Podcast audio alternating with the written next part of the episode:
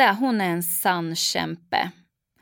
Hon har inte alltid haft det så lätt i livet och redan som liten så kände hon att hon inte passade in, men hon förstod inte varför. Men som vuxen så fick hon en bekräftelse på vad det var som kunde gjort att det inte alltid har gått så bra för henne. Men hon har gått från klarhet till klarhet och som sagt, hon har en riktig kämparanda. Lyssna på hennes historia. Du lyssnar på Arbetsförmedlingens jobbpodd med mig, Charlotte Lindman.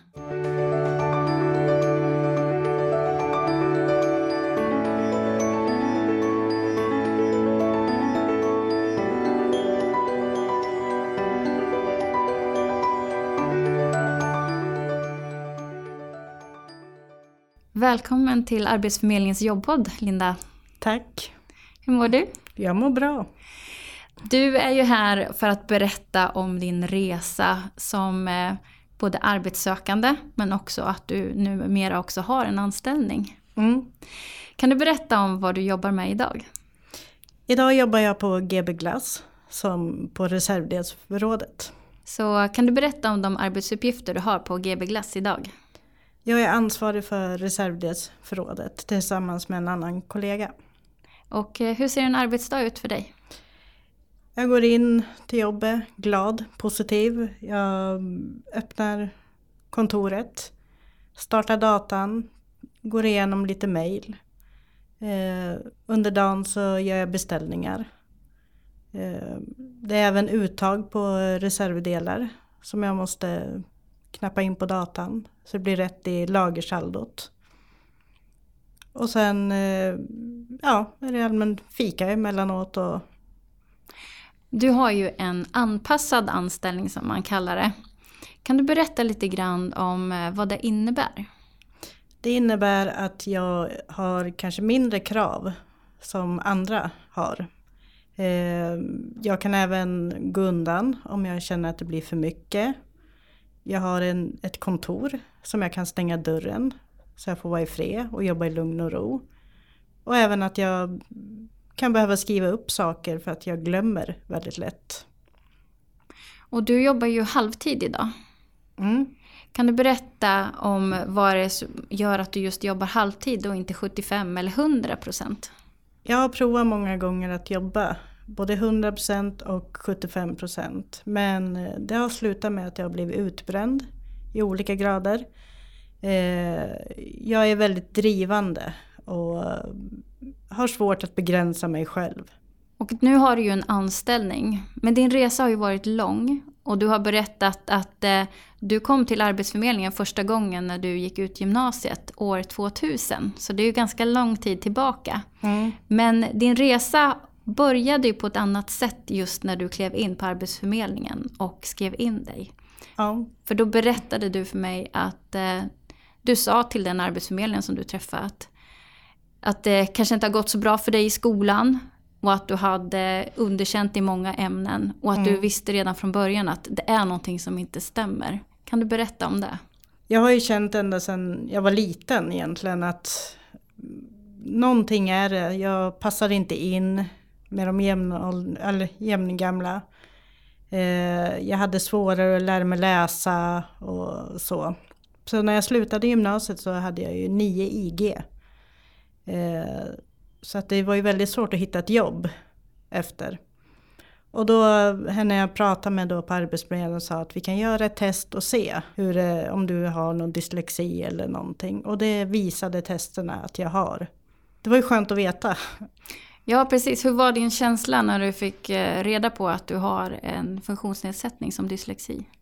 Det var väldigt skönt att veta för då fick jag ju svar på varför jag fått kämpa. För det är många gånger kompisarna hade bara pluggat en halvtimme och jag satt två timmar. Men ändå så lyckades de bättre. Så det var ändå skönt att veta att det är någonting. Och sen så när du hade varit inskriven ett tag så så började du ju att få lite anställningar och eh, du mm. jobbade på. Kan mm. du berätta hur det gick till? Jag trodde att det bara var dyslexin. Men eh, så jag körde ju på och jobbade både 75% och 100% som vikarie. Men eh, det slutade med att jag blev utbränd. Det vart, som jag förstår nu, för höga krav. Jag trodde ju bara att det var dyslexin. Så jag mådde dåligt psykiskt, fick, blev ju psykiskt ohälsa. Eh, och på psykmottagningen så ville de utreda mig för några diagnoser. Och 2006 fick jag diagnoserna ADD och autistiska drag. Och det var min pusselbit. För det, det är därför det har varit kämpigt hela livet. Jag tänker på, det är inte alla som kanske vet om vad ADD är för någonting. Kan du beskriva det? Eh, jag brukar säga att eh, många vet vad ADHD eh, är. Jag är utan H, jag är inte hyper. Men jag har koncentrationssvårigheter, jag glömmer saker väldigt lätt. Men jag har också det här drivet som många tycker att man är väldigt impulsiv och man är väldigt galen nästan när man har ADHD. Men vänder man det till något positivt då är man jättedrivande om man använder det på rätt sätt. Och då är det här, det här drivet som du har haft som också då har lett till som du beskrev att du har blivit utbränd i flera anställningar som du har haft. Mm. På vilket sätt har det här gjort att du inte har kunnat hindra dig? Vad tror du är som har gjort att det, det hela tiden har drivit på? Det är så roligt att jobba. Det är mitt största driv. Jag trivs jättebra. Och eh, ja, när alla vill ha semester så sitter jag där, nej, inte semester, jag vill jobba. Du vill fortsätta? Jag vill fortsätta jobba och alla mm. tycker jag är galen men det får jag vara. Du berättade också för mig att eh, du har ju faktiskt gått en utbildning. I samband med att du blev utbränd på en av dina tidigare anställningar mm. så fick du möjlighet att gå en utbildning till undersköterska. Mm. Hur gick det? Eh, själva utbildningen gick jättebra. Eh, jag fick bra hjälpmedel genom Arbetsförmedlingen. En data med eh, talsyntes, eh, ordböcker. Eh, och det gjorde att jag kunde studera på mitt sätt. Jag lyssnade på texterna samtidigt som jag läste. Och på så sätt lärde jag mig allt. Eh, jag fick topp toppbetyg. Wow. Eh, det var i stort sett bara VG och MVG. Och måste du beskriva, hur är den känslan? Underbar, alltså det, jag får gåshud bara jag tänker på glädjen att jag kunde lyckas. För det har jag inte gjort under mina tidigare år.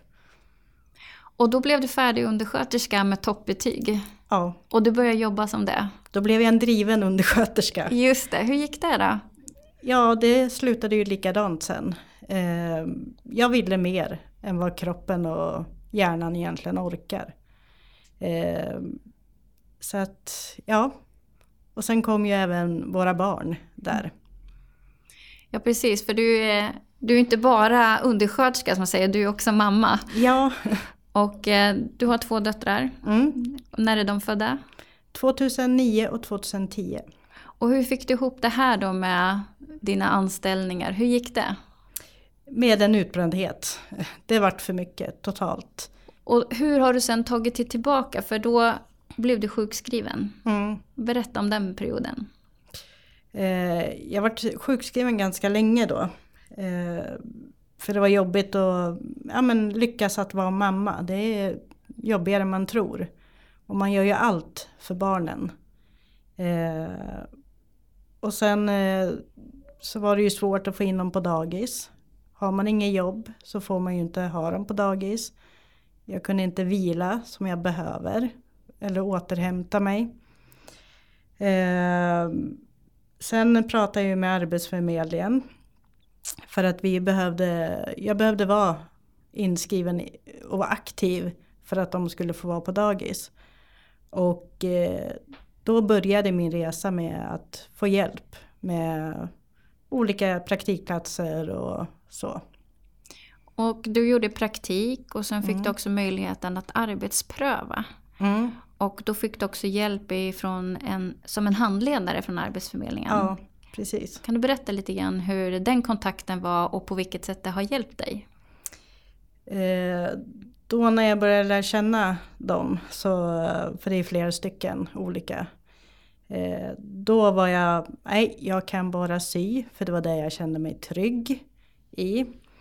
Eh, jag ville inte tillbaks till vårdjobbet för att jag hade jättesvårt att släppa. Jag tyckte, jag älskade ju alla patienter. Eh, och jobbar man inom vården måste man släppa när man kommer hem. Och det gick inte. Jag har provat olika praktikplatser men eh, jag hittade inte min begränsning då.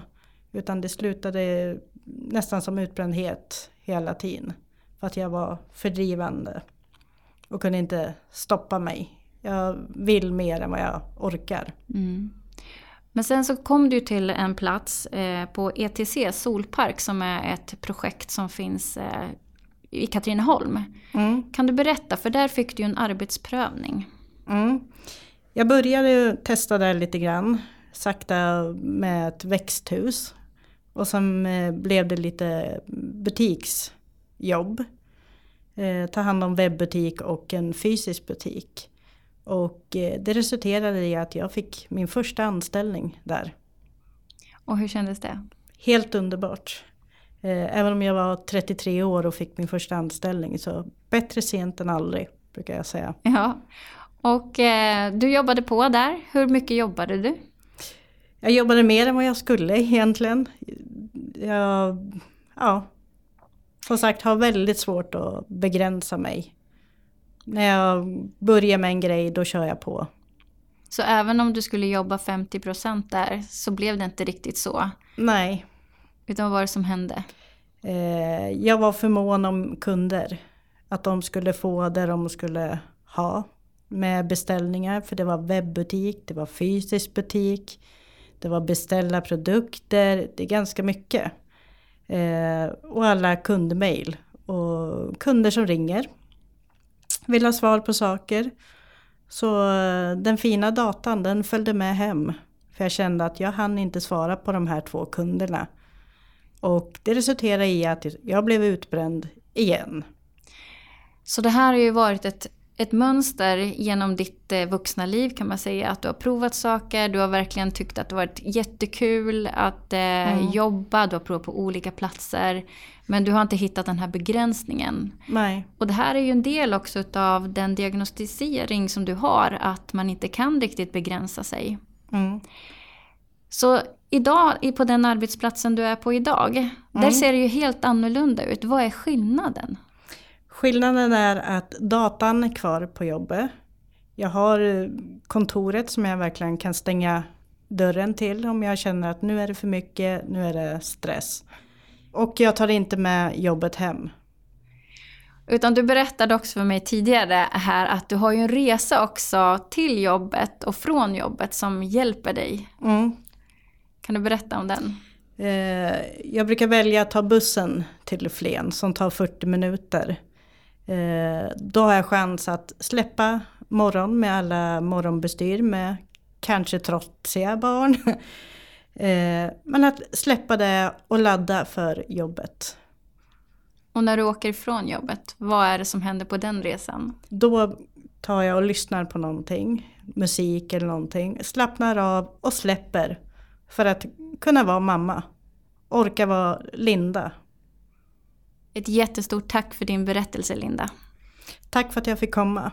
Det är viktigt att eh, det kommer fram att Arbetsförmedlingen kan faktiskt hjälpa väldigt mycket.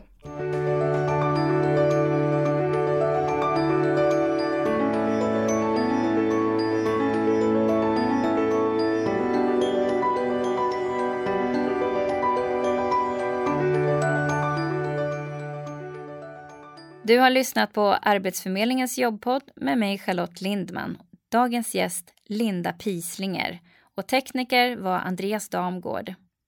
Har du idéer på vad vi ska prata om i jobbpodden så skriv då till podcast arbetsförmedlingen.se.